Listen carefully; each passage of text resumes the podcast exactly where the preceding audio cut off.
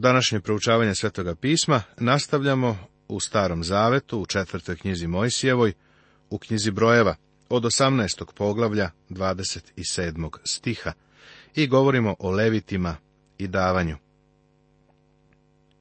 Ja sam uvek davao misijama i uvek sam svoje zaposlene podsticao da daju.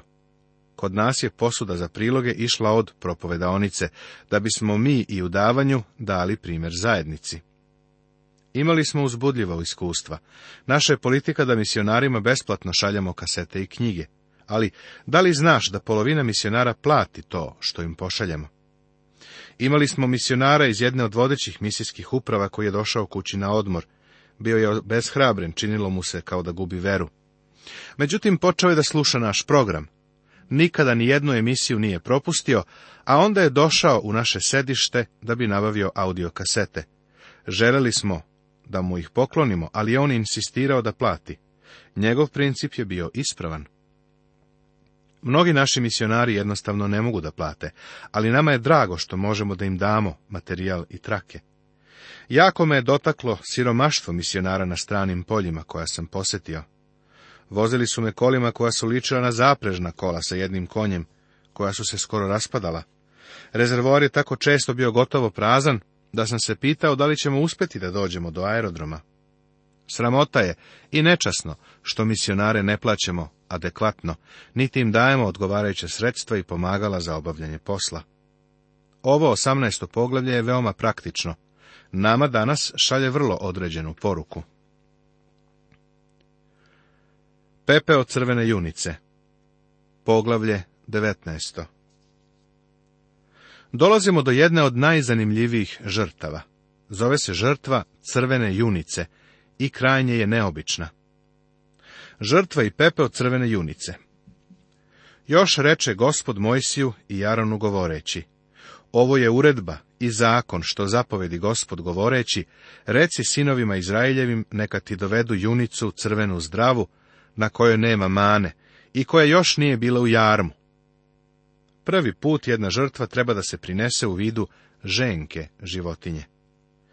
I podajte je Eleazaru svešteniku, a on neka je izvede napolje iz okola, da je zakolju pred njim. I uzevši Eleazar krvi njezine na prst svoj, neka pokropi krvlju prema šatoru od sastanka sedam puta. Šta je cilj ovoga? A čist čovek neka pokupi pepe od junice i izruči ga iza okola na čisto mesto, da se čuva zboru sinova Izraeljevih za vodu očišćenja. To je žrtva za greh. Kako ovo dalje treba koristiti? I neka za nečistoga uzmu pepela od junice spaljene za greh, i neka naliju na vode žive u sud. Potom neka uzme čist čovek isopa i zamoči u onu vodu i pokropi njom šator i sve sude i ljude koji su u njemu bili. Tako i onoga koji bi se dotakao kosti ili čoveka posečena ili umrla ili groba. Čisti nečistoga neka pokropi treći i sedmi dan, i kada ga očisti sedmi dan, neka opere haljine svoje i sebe neka opere vodom i bit će čist uveče. Ovo je neobičan obred, pa zvuči vrlo strano, ali zato postoji dobar razlog. Kada su Izraelci putovali i neki čovek kad bi zgrešio, nisu se svi mogli zaustaviti tu, podići šator od sastanka, obaviti ritual prinošenja žrtve za prestupe ili žrtve za greh. Šta je onda trebalo da učine kada bi na putu neki čovek zgrešio? Trebalo je da uzmu pepeo ove junice, da taj pepeo pomešaju sa živom, tekućom vodom, zatim da uzmu isop i tom vodom poprskaju onoga ko je zgrešio. Ovo zvuči vrlo čudno, zar ne?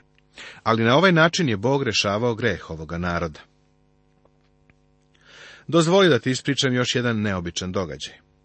Kada je naš gospod Isus Hristos otišao u gornju sobu sa svojim učenicima, prvo što je uradio je bilo da je uzeo lavor vode i učenicima oprao noge. Zašto je to učinio? Simonu Petru Isus navodi razlog. Reče mu Petar, nećeš ti nikada oprati mojih nogu. Odgovori mu Isus, ako te ne operem, nemaš udela sa mnom. Da gospod Isus nije Petru oprao noge, Petar ne bi mogao imati zajedništvo sa njim. Isus je došao od oca i vraćao se ocu. Znajući da mu je otac sve dao u ruke, da je od Boga izišao i da Bogu ide, usta od večere i skide gornju haljinu, uze ubrus i opasa se. Isus Hristos se vratio svome ocu, ali je još uvek povezan peškirom službe. Lavor sa vodom je Božja reč, a duh sveti je onaj koje primenjuje. Isop govori o veri. Kada danas ti i ja zgrešimo, Hristos neće ponovo umreti.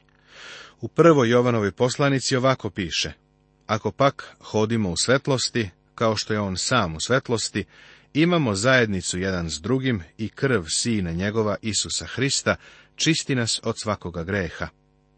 Ta svetlost je Božja reč. Ako hodamo u svetlosti, šta vidimo? vidimo da smo prljavi i da nam je potrebno očišćenje. Duh Božiji nas uverava. Reč Božija nam kaže da će nas krv Isusa Hrista, Sina Božijega, čistiti od svakog greha. Ali voda reči i očišćenje krvlju Isusa Hrista mora da se primeni na nas. Ako ispovedamo svoje grehe, on je veran i pravedan, da nam oprosti grehe i očisti nas od svake nepravednosti, kaže prva poslanica Jovanova. On je ovdje na zemlji umro da bi nas spasao. Kada je Isus Hristos umro za naše grehe, nije umro samo za one grehe koji su se desili do momenta kad smo mu došli. Umro je i za grehe koji su počinjeni od vremena kad smo prišli krstu, pa do trenutka kada će nam dati krunu. Nemoj mi reći da ne grešiš od kako si doživeo spasenje. Greh je činjenica u našem životu koju mnogi hrišćani zanemaruju. Hrišćani se čiste za crkvu. U subotu uveče se okupaju da bi za nedelju bili čisti. Koriste dezodoranse, parfeme. Danas zajednice lepše miriše, jer se koriste kolonjske vode, dezodoransi, parfemi, ali Bogu zaudaraju više jer su prljavi. Koliko je ljudi gledalo ono što se ne sme gledati? Došli su sa prljavim očima. Koliko je ljudi slušalo ogovaranja u toku sedmice? Koliko ih je slušalo prljave stvari koje ne bi smeli? Oni imaju prljave uši. Neki imaju prljave ruke jer su radili ono što nisu smeli. Neki imaju prljave noge jer su išli tamo gde ne bi smeli. Oni misle da dolazak u crkvu sve popravlja, ali nije to baš tako.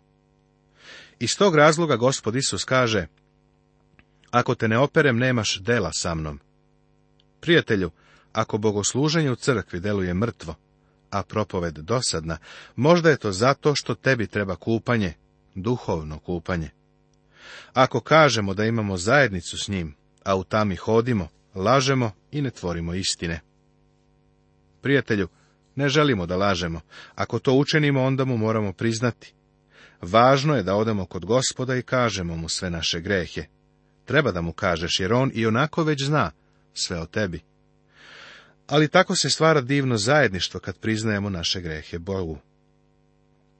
Zašto ne odeš kod njega da bi se očistio? Neko će pitati koliko često ovo treba da se radi.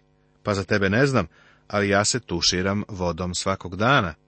Vidim da mi je potrebno da svakoga dana dva ili tri puta moram da odem kod njega i reći mu, Megi je pogrešio i nije smeo da vidi ovo, da uradi ono, da kaže ono. Treba da imamo dobar odnos sa njim, a jedini način da to održimo jeste da priznamo naše grehe. Ova žrtva crvene junice je izvanredna. Ona je Izraelce držala ugodnim Bogu na putovanju kroz pustinju. Ovo je bio njihov dezodorans za pustinski marš i nešto što im je omogućavalo zajedništvo sa Bogom. Poglavlje 20. Tema Smrt Marije i Arona Mojsijeva neposlušnost Edom odbija prolaz Izraelu Poglavlje koje je pred nama započinje Marijinom smrću, a završava se Aronovom smrću. Poglavlje je omeđeno smrću. U njemu nalazimo i Mojsijev greh i greh Edoma. Ipak ovo je važno poglavlje, jer obeležava kraj lutanja Izraelaca i početak njihovog putovanja, marša. Ovaj deo od poglavlja 14. do 20. je jedini deo koji obrađuje 40 godina tumaranja po pustinji i ne govori o tome mnogo. Imamo samo nekoliko zabeleženih događaja za vreme tih 40 godina. Izrael je izvan Božije volje, pa nema šta mnogo da se kaže. Možemo govoriti o tome da je Izrael izabrani Božiji narod, ali oni nisu mnogo značili osim kada su bili u Božijoj volji. Isto važi i danas. Prijatelju, ovo je istina i za nas. Ni mi ne vredimo mnogo kada nismo u Božjoj volji. Kada ne delujemo u telu vernika, kada ne koristimo darove koje nam je Bog dao silom duha svetoga, izlišni smo i beskorisni koliko i peta noga kod krave. U stvari tako se i isprečimo na putu. Ponovo kod Kadisvarnije nakon 37 godina. I sinovi Izraeljevi, sav zbor njihov, dođoše u pustinju u Sinsku prvoga meseca i stade narodu Kadistu, i onda umre Marija i bi pogrebena onde. Ovde imamo Marijinu smrt. Njoj je posvećen samo jedan stih. Nema dugih govora na sahrani ni dana žalosti, ni pokušaja da se Marija nahvali. Marija je umrla i sahranjena je. To je sve. Ponovo su kod Kadisa. Tu su bili preskoro 38 godina i sada su se ponovo vratili. 38 godina su tumarali i nigde nisu stigli. Iako ove godine lutanja nisu bile godine blagoslova za narod, ipak su pružile divne lekcije koje treba savladati, jer mnogi od nas danas kroz svet ne marširaju kao putnici. Prosto smo kao tumarajući putnici ovde dole, na svetu. Sedmo, gunđanje. A onda nemaše zbor vode, te se skupiše na Mojsija i na Arona. I svađaše se narod s Mojsijem i govorahu, kamo da smo pomrli kad pomreše braća naša pred gospodom. Naravno da ovo nisu stvarno mislili. Niko od nas ne želi da umre. Smrt je čoveku neprirodna, ali oni se žale, ponovo jadikuju i gunđaju. Ovo je već sedmo gunđanje i nastalo je zbog nedostatka vode zašto dovedoste zbor gospodnju u ovu pustinju da izginemo ovdje i mi i stoka naša? I zašto nas izvedoste iz misira da nas dovedete na ovo zlo mesto, gde ne rodi ni žito, ni smokva, ni grožđe, ni šipak, a ni vode nema za piće? Evo ih ponovo kod Kadisa, gde su već jednom pokazali neuspeh. I tu ponovo imaju pritužbe, umjesto da se pouzdaju u Boga. Zemlja u kojoj teku med i mleko jeste pred njima ali nije tu. Sada, prijatelju, nije me briga gde se danas nalaziš ili kosi. Ti, kao Božije dete, treba da shvatiš da ovde nisi za stalno. Mi smo samo putnici koji prolaze kroz ovaj svet. Nećemo se dugo zadržati na jednom mestu, zato ne bi trebalo da mnogo vremena trošimo na pritužbe. I dođe Mojsije i Aron ispred zbora na vrata šatora od sastanka i padoše ničice, i pokaza im se slava gospodnja. Ponovo tvoju pažnju želim da privučem na činjenicu da svaki put kada je narod gunđao i žalio se, slava gospodnja se pojavljivala. Bog je bio nezadovoljan njihovim pritužbama. To treba da nas nauči da ako jadikujemo i žalimo se, onda ne ugađamo Bogu. Ovo važi bez obzira na to kosi si ili gde si ili šta radiš voda iz stene, Mojsijeva neposlušnost.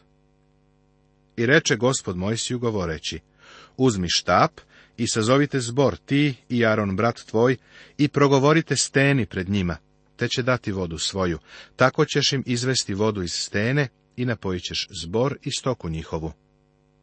Uzmi štap. Ovo je bio Aronov štap. Sazovite zbor i progovorite steni, Zašto je ovoga puta trebalo samo da progovore steni?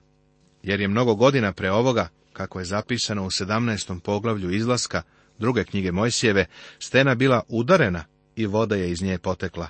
Stena samo jednom treba da se udari. I Mojsije uze štap ispred gospoda kako mu zapovedi gospod. I sazvaše Mojsije Jaron zbor pred stenu i on im reče, Slušajte, odmetnici, hoćemo li vam iz ove stene izvesti vodu? Ne samo da se žale Izraelci, nego se sada i Mojsije žali. Potpuno ga razumem. Bio je sa njima svih tih četrdeset godina u pustinji i iskreno govoreći prijatelju, baš je umoran od njih. On se sada zaboravlja ovde, kad kaže, hoćemo li vam iz ove stene izvesti vodu? Nije Mojsije taj koji će im izvesti vodu iz stene. Bog obezbeđuje vodu. Oni ovde treba da nauče veliku lekciju, a to je da ta stena predstavlja Hrista. Mojsije se sada naljutio i uradio nešto što nije smeo. Ovo ga je sprečilo da uđe u obećanu zemlju.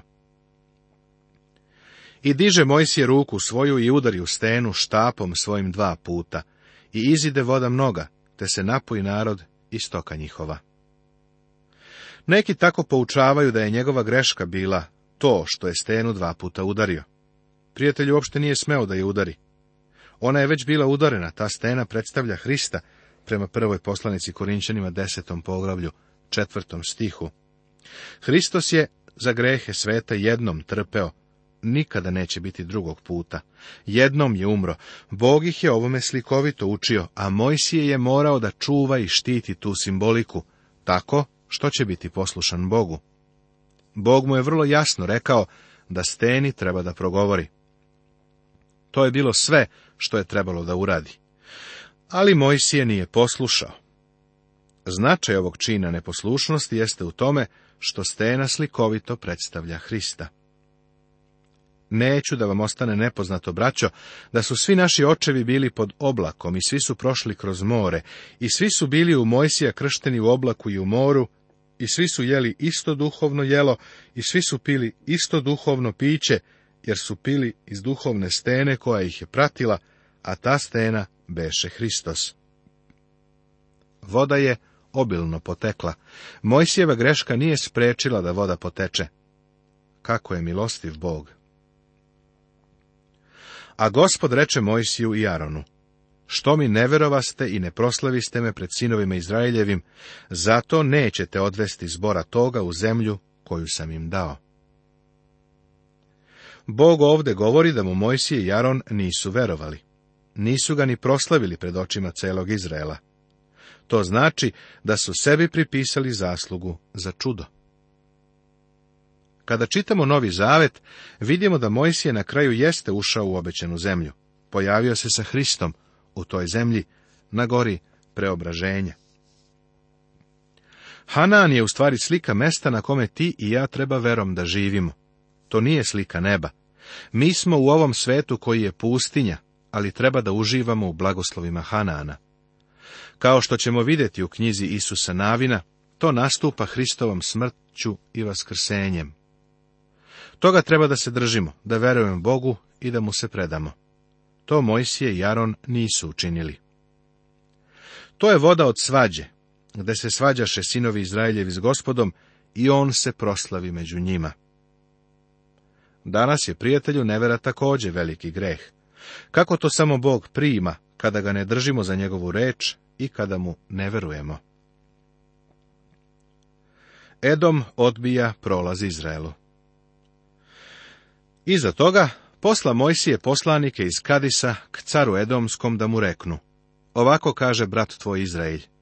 ti znaš sve nevolje koje nas snađoše, kako naši oci siđoše u Misir i beja smo u Misiru dugo vremena i kako sirci zlo činiše nama i ocima našim. Mojsije im daje malu istoriju njegovog naroda, a zatim traži dozvolu da prođe kroz njihovu zemlju.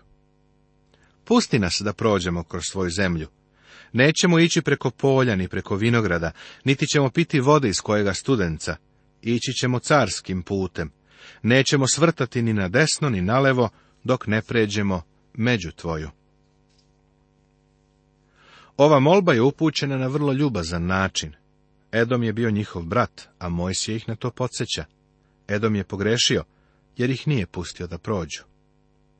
A Edom mu odgovori, ne idi preko moje zemlje da ne izađem s mačem predate.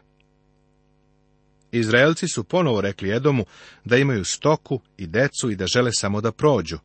Ponovo su ih uveravali da neće ništa uzeti i da zemlju neće oštetiti. A on im odgovori, nećete proći.